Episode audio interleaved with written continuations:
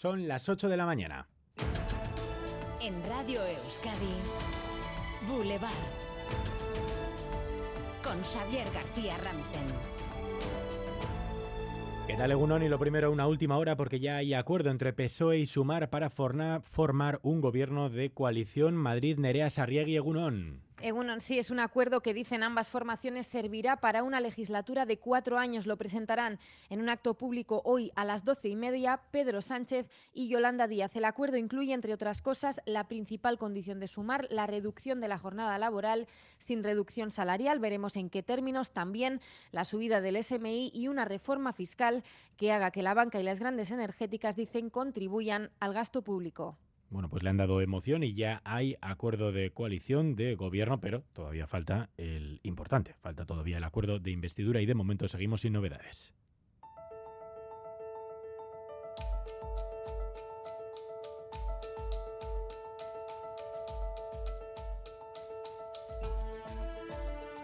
Aquí en Euskadi, primera de las dos huelgas de la semana en el sector público vasco, hoy en la educación pública no universitaria convocan Estelas, ELA y comisiones obreras. Buscamos la foto a esta hora en directo desde un instituto. Sonia Hernando Egunon. Egunon, desde el Instituto Mendevaldea de Vitoria-Gasteiz, uno de los más numerosos, donde más alumnos y alumnas acuden todos los días aquí en el barrio del Acua. Es un instituto que ofrece educación secundaria obligatoria y bachiller. En realidad las clases empiezan a las 8 y cuarto de la mañana. Eh, todas las luces eh, de las clases no están encendidas, algunos eh, alumnos ya se están acercando y por lo que nos han dicho, hoy aquí la mayoría de los profesores harán clase. Quedan fuera de la convocatoria de hoy sindicatos como UGT o LAB. La central Abertzale apuesta por concentrar las huelgas en la conjunta del sector público de mañana miércoles. Sobre esa de mañana, los sindicatos responden al Lendakari que ayer tachaba a los convocantes de populistas que prefieren hacer declaraciones públicas que nos parecen una huida hacia adelante, que es dar la espalda a la realidad y no tener voluntad de poner soluciones. Que no existe voluntad política para resolver los problemas que tiene el sector público. Tenemos que estar, tenemos que negociar y tenemos que intentar responder menos a los sindicatos a través de los medios e intentando ridiculizar las ofertas de diálogo que hacemos. ¿no? El gobierno vasco aprueba esta mañana el proyecto de presupuestos del año que viene con un 5% aproximadamente más que el año pasado. Hoy llegarán las concreciones, pero una de las partidas que crece es la de cambio climático. Y hoy es el Día Mundial contra el Cambio Climático y hoy en Radio Euskadi les estamos ofreciendo el informe de seguimiento del Plan Vasco de Transición Energética y Cambio Climático. El grado de ejecución roza el 50% Iñaki Larrañaga. Avanza de forma muy positiva para el gobierno vasco con importantes avances en su ejecución. Se han iniciado el 91% de las acciones planificadas al año 2024 y según este último informe de seguimiento, su grado de ejecución se ha, se ha situado a finales del 2022 en el 49%. Se progresa especialmente en ámbitos como la reducción de emisiones en cambio, quedan deberes pendientes, particularmente en materia de energías renovables. A las ocho y media hoy visita a Boulevard el director de Cambio Climático del Gobierno Vasco, Adolfo Uriarte, a quien preguntaremos también por la Ley de Transición Energética y Cambio Climático, una de las leyes que el Gobierno Vasco espera aprobar en el Parlamento en esta recta final de la legislatura.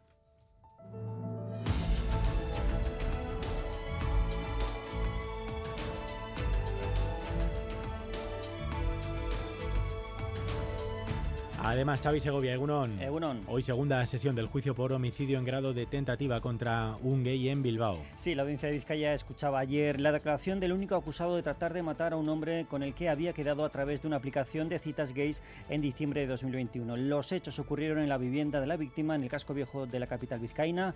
El acusado, el acusado negaba que tratara de matarle que intenté como, no sé si, si aturdirlo como me decían, pero en mi mente hay un mito como que fue cuestión de segundos de decir como que qué haces, que mi mente y el cuerpo se desconectaron de por sí. Yo quería salir huyendo de ahí. Este es el primero de los casos que se juzga, pero se investiga la posible relación del acusado en al menos otros cuatro sucesos más. En Gaza siguen los bombardeos después de dos nuevas liberaciones y la entrada de más ayuda humanitaria. La madrugada de este martes ha sido intensa en el sur de la franja de Gaza, con nuevos e intensos bombardeos por parte de Israel.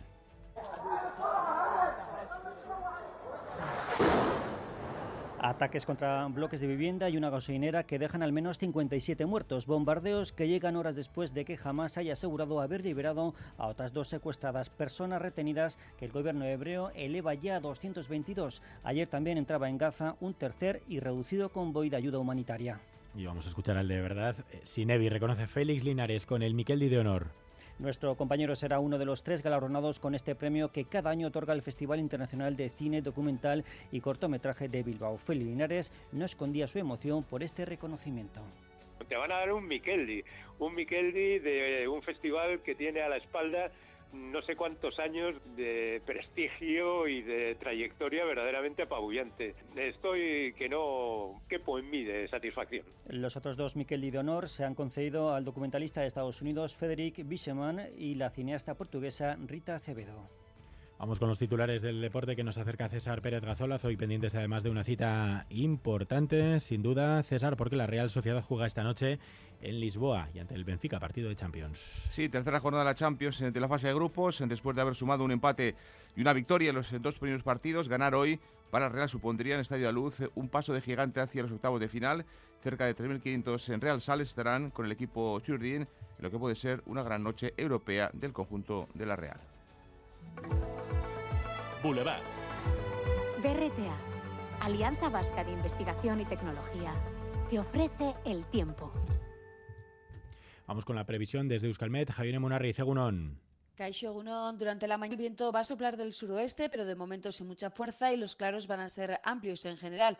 Así que una mañana tranquila, pero con el paso de las horas ese viento del suroeste irá cobrando protagonismo, ya que irá arreciando y será bastante molesto durante la tarde, sobre todo en zonas expuestas, donde soplará con rachas eh, muy fuertes. Además, este viento irá empujando nubosidad, así que por la tarde el cielo estará más nuboso y se producirán algunos chubascos débiles y dispersos, pero será poca cosa en general lo que caiga. Las máximas hoy se van a situar entre los 15 y los 20 eh, grados. Así que poco a poco el viento del suroeste se intensificará para la tarde y a pesar de que llegará la nubosidad, la lluvia será escasa en general. A esta hora tenemos 9 eh, grados en Vitoria-Gasteiz, 9 eh, grados en Iruña, perdón, 7 en Vitoria-Gasteiz, 10 en Bilbao, 11 en Donosti y 12 en Bayona. Egunon gaur zegaman amaika gradu, irura bustita eta Oskarbi egunon izan.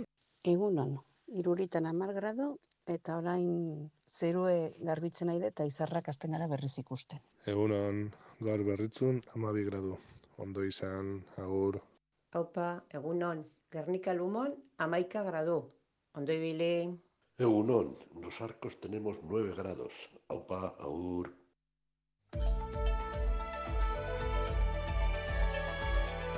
Boulevard. Tráfico. ¿Algún problema en las carreteras, Jonas Sánchez Egunon? en atención, en la Nacional 637 en Erleche, sentido Galdaca, un tráiler averiado ocupa el carril derecho y en Navarra, atención, porque seis vehículos se han visto implicados en una colisión múltiple en el kilómetro 87 de la A15 sentido Cizur Mayor. Mucha precaución si circulan por estos puntos. Gracias, Joana. 688-840-840 es el WhatsApp de Radio Euskadi si tienen alguna información más, extreme la precaución en las carreteras. Continuamos en Boulevard, en Radio Euskadi y en ETV2. Pequeñas y medianas empresas, ¿sabéis que podéis innovar en vuestros productos y procesos y que para ello tenéis a vuestra disposición 17 centros de BRTA? Porque innovar es cuestión de carácter, no de tamaño. BRTA, Alianza Vasca de Investigación y Tecnología. Gobierno Vasco, Euskadi, bien común. Recupera los contenidos de Radio Euskadi en la web eitv.eus y en la app EITV Nayeran.